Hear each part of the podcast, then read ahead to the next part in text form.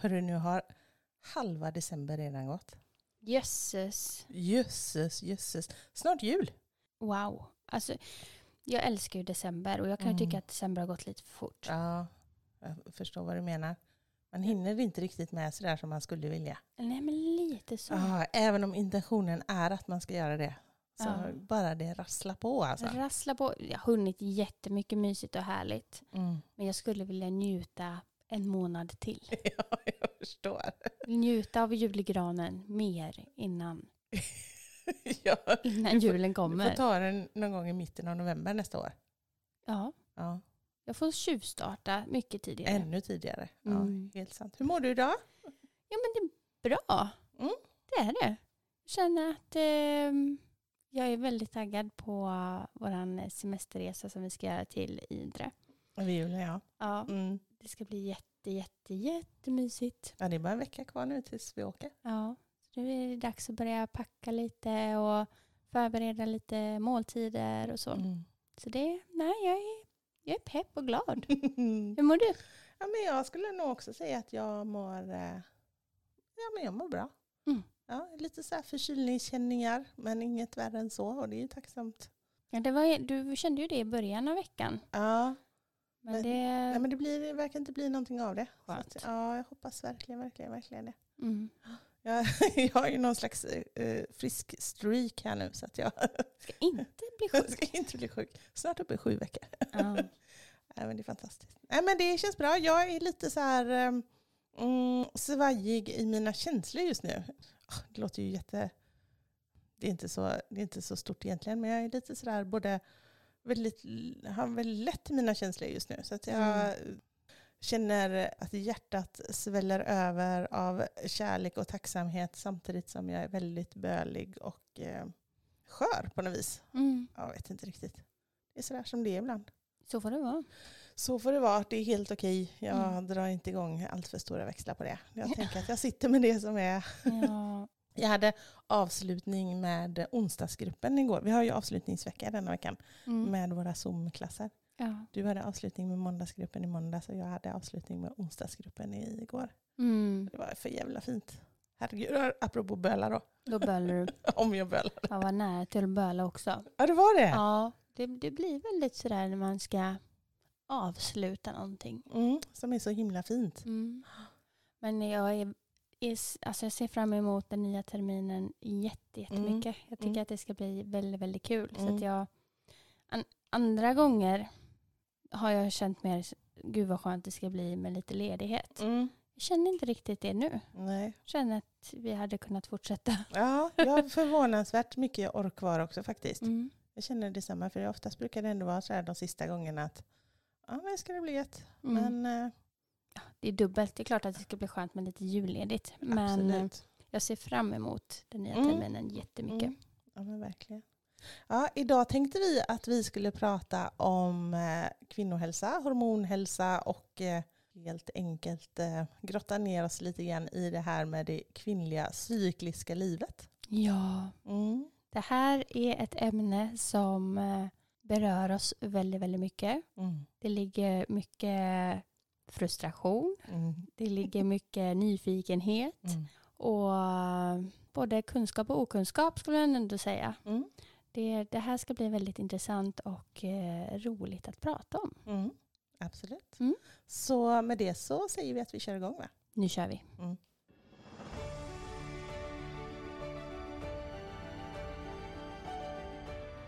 Välkommen till en stilla podd med mig Matilda. Och med mig Anna. I den här podden delar vi våra tankar, bästa tips och erfarenheter för att peppa dig till att prioritera dig själv och ditt välmående. Vår övertygelse är att mer stillhet leder till mindre stress och mer balans, harmoni och glädje i livet. Nu kör vi!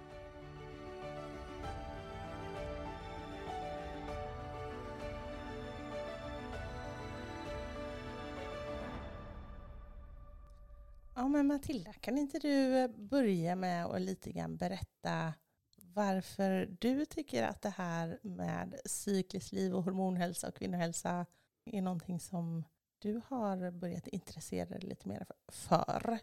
Ja, Det, det hela har nog börjat lite grann i att jag eh, har ett intresse i att försöka förstå mig själv. Mm. Att, ehm, alltså jag i tidiga tonåringen när jag fick min mens och så, så upplevde jag inte några... Alltså ja, jag hade mensvärk och jag kunde kräkas några gånger för Mm. att jag hade så ont. Men ja, det var lite så som det skulle vara. Mm. Och gjorde inte så mycket mer med det, utan ja, levde med det. Och ehm, nu, närmare 30-årsåldern, så eh, inser man ju mer och mer att man kan faktiskt påverka kroppen själv. Mm. Jag behöver inte gå runt kanske och ha mensvärk och må illa och ja, men ha de här besvären som jag faktiskt upplever. Mm. Att det finns saker i vår hälsa här som vi kan påverka själva. Exakt. Och sen har jag ju gått med det här magontet Mm. en lång, lång period. Ja, jag tror, har du nämnt det någon gång här på podden? Ja, kanske. Jag tror att jag har pratat lite grann om det. Ja. Att jag har gjort det här IBS-utredning och grejer. Mm. Och jag tror ju inte att mitt magont har med mina tarmar att göra. Utan jag tror att det är, det är någonting i mitt kvinnliga könsorgan Mm. som gör att jag eh, har ont. Och eh, vården som jag har, eller alltså läkarna som jag har träffat och så, har inte kunnat hjälpa mig. Nej, du har ju träffat både gynekologer och eh, dietister och allmänläkare och du har träffat många olika. Jag tyvärr känner lite eh, att jag inte kan få hjälp inom vården utan att jag behöver hitta lösningen själv. Mm. Och så ska det inte behöva vara naturligtvis. Nej. Men eh, just nu är jag i det stadiet att jag försöker förstå själv vad Mm. jag kan påverka. Mm. Ja, för det är inte, det, vi pratar ju inte om vanlig mensvärk här som du upplever, utan det här är ju någonting eh, annat. Ja, det här är något annat. Och det, men det har med min cykel att göra. Mm, Det mm. märker jag väldigt tydligt. Mm. Kan, du inte, kan du berätta lite grann vad det är som händer då? Jo, jag går runt med med smärta, molande verk. Det känns som mensvärk, Mm. men den pågår redan vid ägglossning fram till typ andra dagen av mensen. Mm. Så blir det eskalerande, det, det gör ondare och ondare ju Mm. längre tiden går. Eh, mår illa och eh, ja, det tar väldigt mycket energi Mm. Mm. i, av mig. Och känner lite grann ibland att det är hopplöst och Mm. fan jag skiter i det här nu och Mm. orkar inte. Så det, det, det påverkar mig väldigt, väldigt mycket och Mm. jag kan inte träna som jag brukar. Jag har svårt att äta de dagarna som det är som värst. Mm. Det, det är mycket som är jobbigt. Mm. Ja men precis, och du upplever ju också att de här vanliga råden som man får kring mens, vanlig mensvärk, Mm. att de funkar ju inte på dig. Nej, alltså nej. att, ta, ta Ipren funkar inte, gå och träna som, som ofta hjälper väldigt, väldigt bra mot mensvärk. Det hjälper inte. i stunden, Mm, gör det. Jag tycker att det, det blir bättre när jag tränar. mm, Men det kommer ju tillbaka sen, mm, ganska kort därefter. Mm. Så att det, det gör skillnad eh, för stunden. för stunden, precis som vanlig mensvärk också. Ja, okej. Det, det Mm. hjälper. Mm. Men eh, alltså det här med Ipren och Alvedon, jag, jag vill ju väldigt gärna förstå min kropp. Mm. Och därför tycker jag att det är svårt Mm. att ta tabletter. För då Mm. känner jag inte vad det är som känns. Alvedon tycker jag hjälper mindre. Eh, Ipren hjälper väl lite mer. Men ehm, jag vill inte gå runt och äta Alvedon och Ipren halva månaden. Ehm, Nej, det jag, känns inte rätt. jag förstår vad du menar. Jag eh, är väldigt dubbelt här, jag är sjuksköterska. Ja, Jag tycker absolut att man ska använda smärtlindring när man behöver det. Men jag förstår också varför du känner det som du gör. Att man måste få reda på varför du har Ja. de här problemen du har. exakt. Absolut, ja, men jag. Jag vill inte bara trampa bort det. Eller Nej, så här, nej. det finns inte. Nej. Men du har ju sagt också att du upplever att inte tabletterna hjälper. Nej, inte så mycket. Mm. Det hjälper det allra värsta, men eh, inte helt och hållet. Nej, och de här besvären har inte du haft jättelänge. Mm, nej, men det har ju eskalerat. Mm. Jag, alltså, jag- jag hade mensvärk redan när jag fick min mens. Mm. Och eh, det, jag kan nog uppleva att det blivit lite värre och värre. Särskilt efter Sigrid föddes Mm. Så upplever jag ändå att det har blivit mer. Och så hade jag hormonspiral ett tag. Mm. Och det kändes också väldigt besvärligt och Mm. hade mycket smärtor av den och så. Så att jag tycker att jag har ont hela tiden. Ja, det är jättejobbigt påfrestande såklart. Mm. Så det är största anledningen att du har börjat grotta ner dig i det här med hormonhälsa och så. Absolut den största. Sen ska Mm. tilläggas att eh, jag har två döttrar hemma Mm. som jag vill ge mycket bättre förutsättningar Mm. till att känna sina egna kroppar. Mm. Det känns väldigt, väldigt viktigt. Absolut. Det finns så mycket okunskaper Mm. och, och jag kan absolut inte mycket. Men eh, jag vill kunna ge det som jag vet som inte jag visste. Ja, men jag förstår vad du menar. Jag sitter här och är utbildad sjuksköterska och det som jag har lärt mig om könshormoner under mina utbildningar är väldigt begränsat. Visst har vi lärt oss om hormonhälsa, absolut. Men då har det varit eh, de andra hormonerna i första hand. Det här med, med östrogen, progesteron, testosteron. Det har liksom varit som stora, eh, vad heter det? Kolumner? Nej. Eller? Nej. Sådana här... Eh, Nej, inte kolumner. Ehm, ehm, ehm. Som bågar. Va? det? Vi säger ostbågar. Nej men alltså nej. Det heter ju inte citationstecken, det heter ju... Nej, men kom igen. Eh, Parentes heter Parentes. Ja, jag visste att det var på P. det. Åh vad pinsamt. Ja, parentes. Ja, men det har varit stora parenteser kring det. Det har liksom...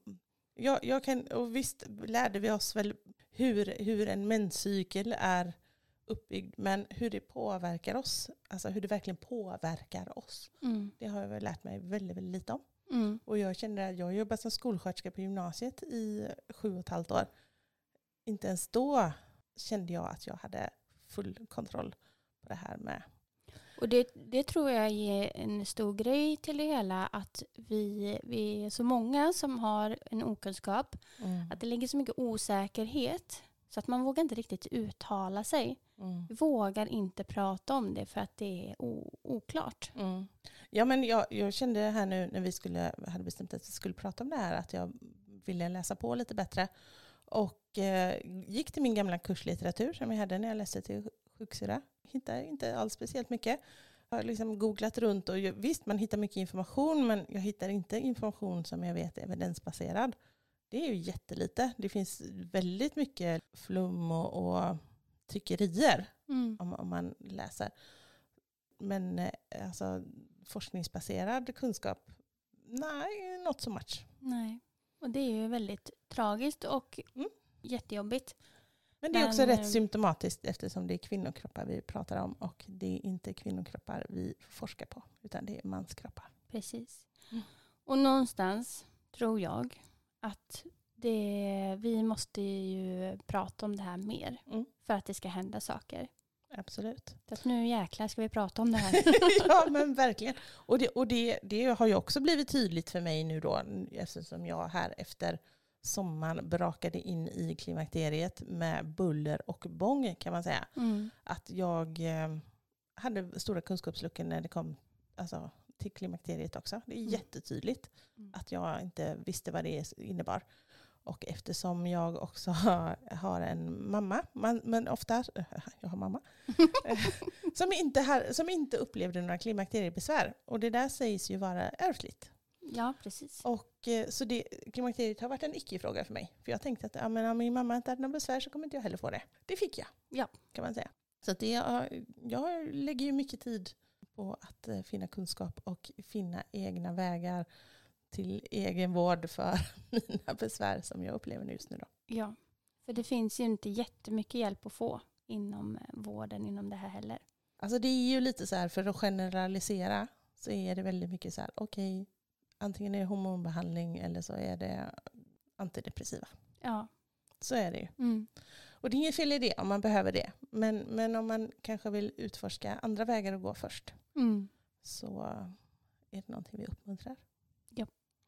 Ja, men kan vi inte ta det lite grann från start? Mm. Eh, du som ändå kan mycket ändå om det här, tycker jag. mycket mer än vad jag kan. Men en manlig kropp Mm. och en kvinnokropp. Mm. Vad är skillnaden när det kommer till våra hormoner och eh, cykler? Ja, men om man då ska, ska ta det enkelt, Mm. nu tar vi det väldigt, väldigt basic nu, så är det ju som så här att man, mannen har ju har ju också östrogen, absolut. Men testosteron är ju den främsta könshormonen hos mannen. Och den ligger ju mycket mer jämnt. Alltså det, det, det är klart att den går upp och ner och det minskar när, när mannen blir lite äldre och sådär också, absolut. Mm. Men den går ju i mycket, mycket mindre vågor. Mm.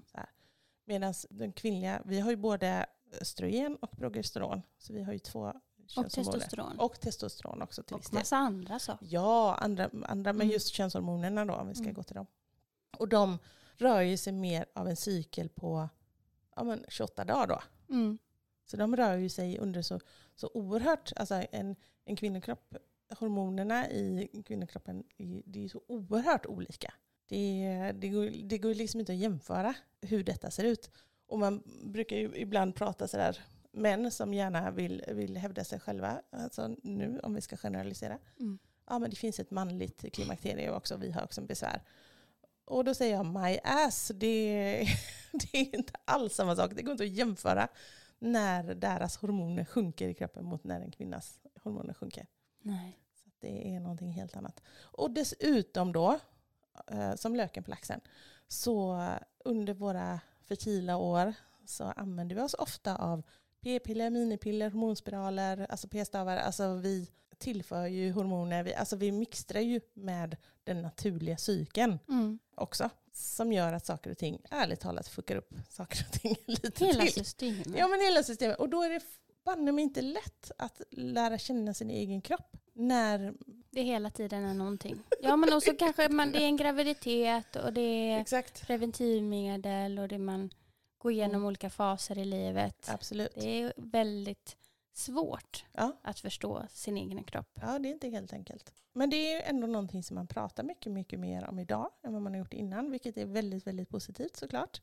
Att det är någonting som väcker intresse och eh, att det är många kvinnor som eh, ja, men någonstans vill ta kommandot över sin egen hälsa skulle jag säga. Det handlar väldigt mycket om det. Vad kan jag göra själv för att leva mitt bästa liv utifrån min cykel? Jag tycker också att det är väldigt intressant det här med att ja, men en mans cykel är under 24 timmar Mm. och att ja, men, testosteronet är som högst på morgonen Mm. och sen så går det ner på kvällen. Men då med en kvinna så är det då under i snitt då 28 Mm. dagar Mm. och att då våra hormoner går i vågor. Inte alla eh, hormoner går inte i vågor tillsammans. Nej, precis. Det har jag ju trott väldigt länge.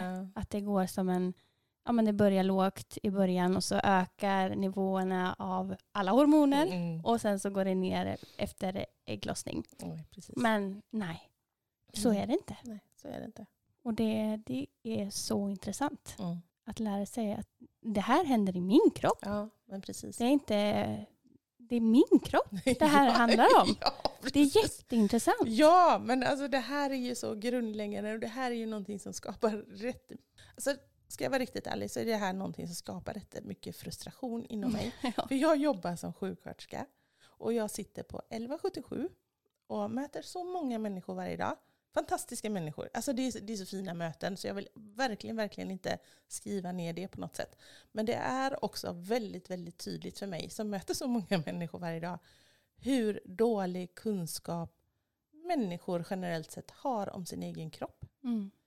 Man vet inte hur kroppen fungerar och det är så tydligt i allt från, alltså fr- från en förkylning till, till liksom någon invärtes smärta någonstans. Eller, alltså det är så tydligt att man har så dålig kunskap om sin egna kropp. Mm. Och det väcker som sagt oerhört mycket frustration i mig för att våran kropp, det, alltså den har vi. Vi har, vi har den genom livet.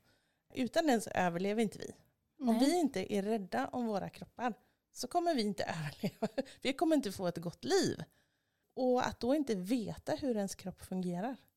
Ja, men det, jag blir så frustrerad. Jag- Jag skäms nästan. Nej, men, Jo men, Nej, det, ja, men man gör det. nej, men, Ja, men jag känner ju det när man, Ja. när man läser saker och bara, hur kan jag inte ha vetat det här? ja, Det är så mycket som jag inte vet om mig själv. ja, Och, och det väcker både ja, men lite skam då, men också väldigt mycket nyfikenhet. Ja, att jag och det- vill ju framåt och ja, lära mig. Och det, det, det är mycket härligare känsla. Mm. Försök fokusera på den istället.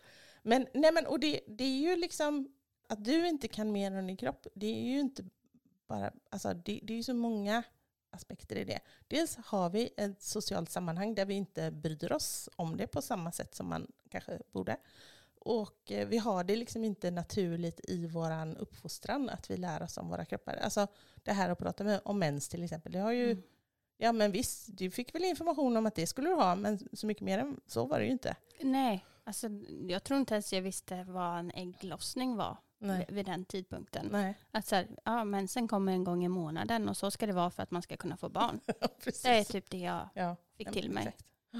Nej, men och sen så tror jag också att alltså, vi lär oss så mycket bra i skolan idag. Vi lär oss, eh, vi lär oss räkna matte, vi lär oss prata främmande språk. Alltså vi lär oss så mycket, men vi lär oss inte jättemycket om våra egna kroppar. Våra egna kroppars signaler, vi lär oss liksom inte lyssna på det. Nej. Och det... Skäms. Nej, nej. nej, nej, nej.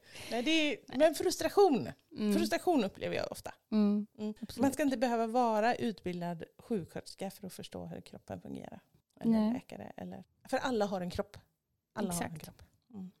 Men om vi vänder oss lite grann till eh, våra eh, kroppar Mm. och att vi också har feminina och maskulina energier. Mm. Enligt kinesisk eh, Medicin. Mm. Exakt. Så och detta kan ju också misstolkas lite grann att maskulint det är manligt Ja. och feminint är kvinnligt. Mm. Men riktigt så är det inte. Nej, säkert är det inte. Nej, utan vi alla, vare sig man eller kvinna, har båda delarna. Nej. Nej, jo, Jo. vi har båda delarna. Sen nej då. vi har det, så är det. Men det brukar vara att en kvinna har mer av det feminina och en man brukar ha mer av det maskulina. Att man är mer dominant. Ja, om man ska ena. generalisera det. Ja.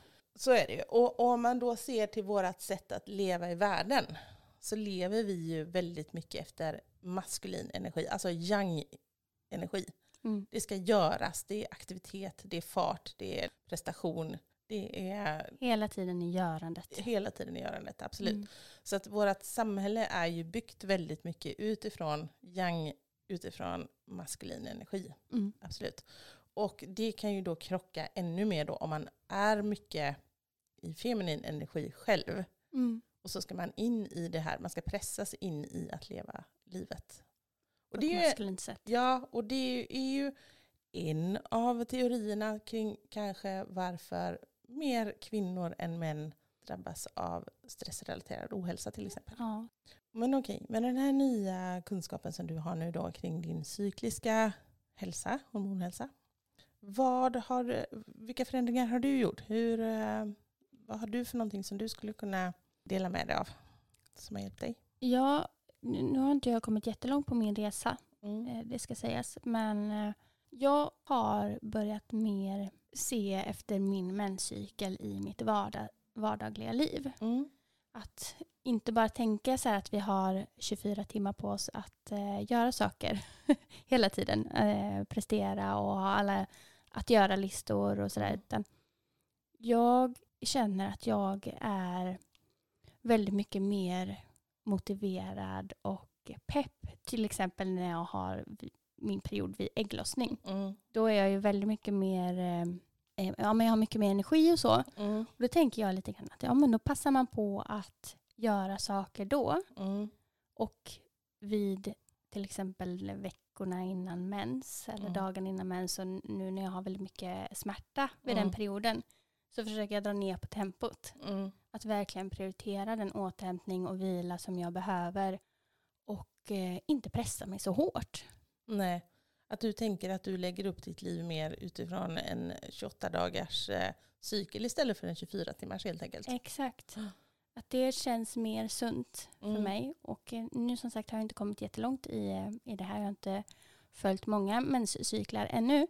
Men min förhoppning är ändå att det ska göra skillnad. Mm. Märker du någonting redan nu då?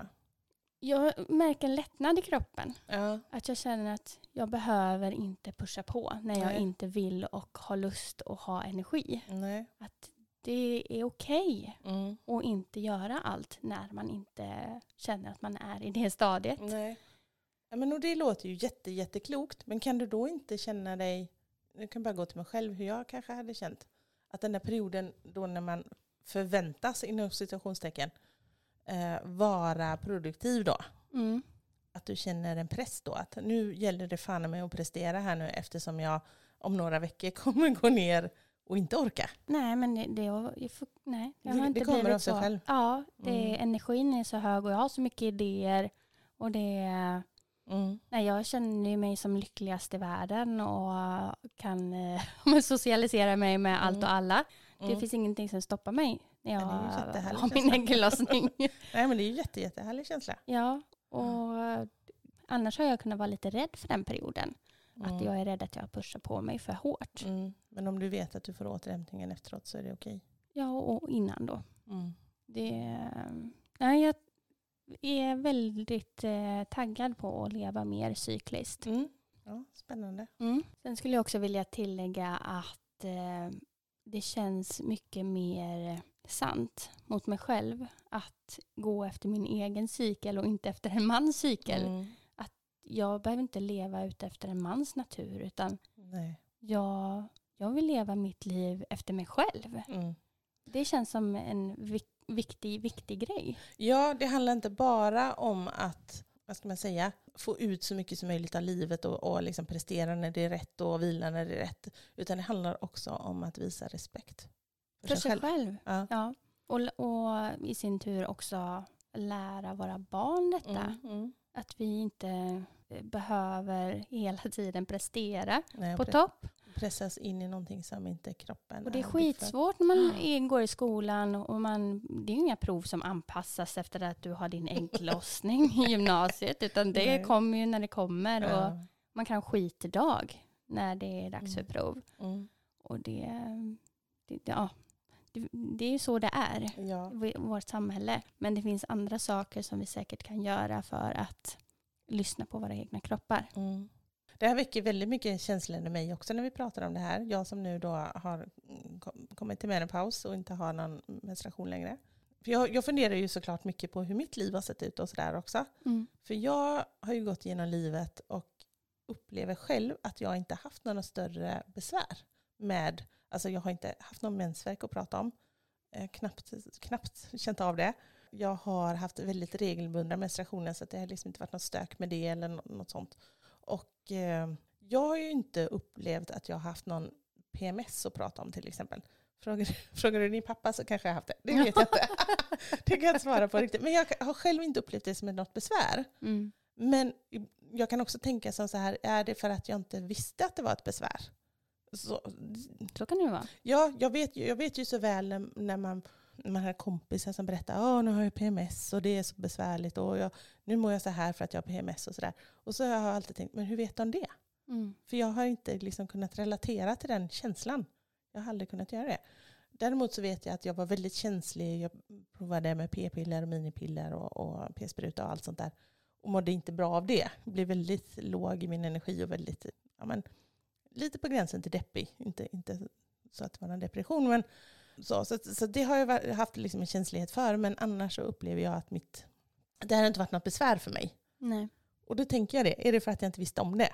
Eller är det för att det, jag faktiskt var lyckligt lottad att det, Ja, att, att, det- att det funkade ändå? så kan det ju också vara. De, det finns säkert massor av kvinnor som inte känner besvär eller det Mm. flyter på helt perfekt, Mm. felfritt. Men det kan ju också ligga i det du säger att det finns brist på... Att man inte sätter det i samband helt enkelt. Nej, precis. Men å andra sidan så fick jag ju det nu då, boom, shakalak, i klimakteriet istället. Ja. Med, eh, ja men det, det, och det som sagt, precis som jag nämnde tidigare, det blev en chock. Mm. att eh, det här sömnsvårigheterna, att det, inte, att det inte går att sova ordentligt. Att kroppen är på högvarv på ett helt annat sätt. Eh, Väldigt märkligt sätt. Och så de här svettningarna, och inte bara svettningarna, utan de här vallningarna som inte man svettas av. Mm. Som, alltså svårt att beskriva den här känslan, för den här, den här, det här visste inte jag att man kunde känna. Jag hade ingen aning om, jag har alltid satt likhetstecken så här. En vallning, ja då svettas man. Man vaknar och är genomsvettig på natten. För mig är det inte alls så. Jag vaknar på natten och det sticker i hela kroppen. Det sticker som tusen nålar inifrån huden. Mm. Alltså det är så obehagligt. Det går genom ett, ett obehag genom kroppen Mm. som börjar någonstans brösten, ryggen och så bara sprider sig ut i kroppen. Håller i sig någon minut eller två. Och det är så obehagligt.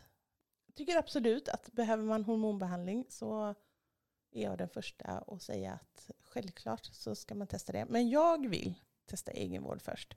Jag har varit väldigt, känt det väldigt tydligt här nu under hösten att nej, men jag vill testa. Jag vill testa själv och känna liksom, vad kan jag göra själv för, för att underlätta för mig själv Mm. till exempel då slutat helt med koffein i princip. Jag, eh, nu drack, alltså kaffe har ju inte jag druckit speciellt mycket innan heller så det var ju inga konstigheter. Men jag har ju druckit lite så här energidryck och sånt. Mm. Jag inte längre. Det bara skapar jättemycket ångest i min kropp. Det är så tydligt. Och det är jättekonstigt. Det är någonting jag har druckit i många år och det har inte varit några konstigheter alls. Och så nu, åh, det skapar sånt obehag. Och ehm, även Cola Zero det dricker ju jag. Det har jag Mm. alltid gjort. 30 år har jag druckit. Det hette ju inte det då från början. Men alltså, Tab hette det va? tab heter det, tabcola. men eh, jag har nästan slutat med det också. Känner att jag har dragit ner på allting sånt där för att se om jag kan få liksom ett lugn i kroppen. För det handlar ju väldigt mycket om koffein till exempel. Det, det frisätter ju kortisol i kroppen. Alltså våra stresshormon. Det, det är ju så. Det är ju, det, det är ju liksom någon slags falsk piggighet. Och mycket kortisol och stresshormoner i kroppen det gör ju att alltså, våra könshormoner, det blir ju kajko. Mm. Det blir ingen ordning på det där riktigt. Så det har jag försökt. Och även då att eh, tänka att träning är bra. Mm. Men det är ju också lite lurigt det där då. För att träning, alltså hård styrketräning sägs ju vara bra då till exempel för sömnen. Och det är också bra för att stabilisera hormonerna på sätt och vis. Samtidigt så frisätts ju rätt mycket kortisol och adrenalin i samband med det också. Exakt. För det skapar ju också en stressreaktion i kroppen. Så att det är svårt att veta liksom vad som är vad. Ja. Mm. Det där, ehm, nu applicerar jag detta in på fertilitet Mm. också. Att ehm, det är ju någonting som vi går igenom Mm. nu, Mm. eh, fertilitetsutredning och sådär. Och eh, ja, men det är ju skit, skitjobbigt. Mm. I, också jättekonstigt för att vi, eh, jag har ju blivit gravid innan utan Mm. problem överhuvudtaget. Och nu förstår man inte vad, vad är det som händer med kroppen. Nej, och din sambo har ju fått barn tidigare också. Så. Exakt, så att det, det det som... borde inte vara några problem. Men nu är det det. ja.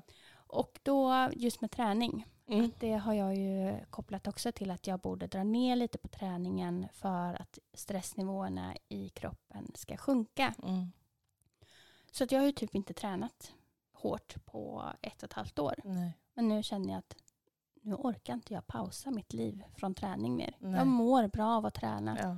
och nu får det vara nog. Jag Mm. tänker börja träna igen. Ja. Så nu gör jag det. ja, det är bra. Tills läkare säger att nu får du inte träna. Nej. Nej, men exakt. Nej, men det, det där är ju så tydligt då att både när det gäller stress, alltså i, i form av utmattning, när det gäller fertilitet, när det gäller klimakterie, alltså, så är ju budskapen så dubbla. Mm. Att det är så här, ja men det är skitbra att träna hårt så, för att det frisätter så mycket härliga endorfiner i kroppen och det är nice liksom. Men så är det ju också det här att det blir en stressreaktion och då är det många som menar på att ja, men då passar det bättre med mjukare träning i Mm. form av mjuk yoga och sådär. Men jag tänker det samma där, att man, någonstans får man väl känna efter vad som funkar bra själv. Mm. För träna de, gör de olika grejerna så får man känna liksom, ja, men vad funkar. Vad, när, när sover jag som bäst till exempel? Är det när jag har tränat hårt eller när jag inte tränat hårt? Mm. Eller vad det nu kan vara. Ja, men det är svårt när, när det sägs, säger olika budskap och ehm, man, man har svårt att känna själv i kroppen vad det är som känns. Ja, och när det dessutom kanske inte finns så mycket forskning som vi skulle önska Nej. så är det inte helt enkelt. Men då, både du och jag förespråkar ju att man lär sig känna sin egen kropp och Mm. känna efter vad känns bäst för mig, gå efter sin egen magkänsla. Så gör vi nu. Så gör vi verkligen nu. Det här är någonting som vi kommer fortsätta grotta ner oss i. Det här, vi har bara påbörjat våran... Eh, ehm, Resa och uppstart kring det här. ja, men absolut. Du har läst en bok som du rekommenderar alla att läsa. Ja, precis. Jag har inte läst eh, färdigt den ännu faktiskt. Mm. Men eh, bläddrar fram och tillbaka och tycker den är väldigt, väldigt intressant. Mm. Och den heter De inre årstiderna av Sheila Arnell. Mm. Och ehm, ja, men den är ganska basic och Lättläst. lättläst. Lite humor i det hela och ja, men det passar alla skulle jag Mm. säga. Passar både unga, vuxna och vuxna. Och om det är mormor eller farmor eller ja, även män. Ja, men Jag säger det- män. Exakt. För det här, också läsa. Ja, för det här pratade vi om innan också. Att det är sånt oerhört... Ointresse. Ett oerhört ointresse Mm. från män att lära sig om kvinnor och deras Mm. hälsa. Ja, man kan tycka att det är väldigt, väldigt viktigt om man dessutom lever i en relation med en kvinna. Mm. Kanske har döttrar. Mm. Fan, Ja, eller Kom ha igen. kvinnliga arbetskamrater. Eller vad f- 17 som helst. En mamma. Mm. mm. Det, är, det är viktigt för oss alla att utvecklas inom det här. Ja, men det är det. Mm. Ja, men jättespännande. Det har varit kul att prata om det här. Som sagt, vi kommer eh, ha all anledning att återkomma i ämnet. 100 procent. 100 procent. Mm. Men med det så rundar vi av. Vi önskar dig som har lyssnat en eh, fin fredag och en jättefin helg. Mm. Nästa vecka blir det lite julmys här tillsammans med oss på podden. Ja, det blir ett julavsnitt. Mm -mm. Det känns blir det. härligt. Ja, det gör det. Mm. Ha det så himla bra. Puss och kram. Ja, hej då! Puss puss.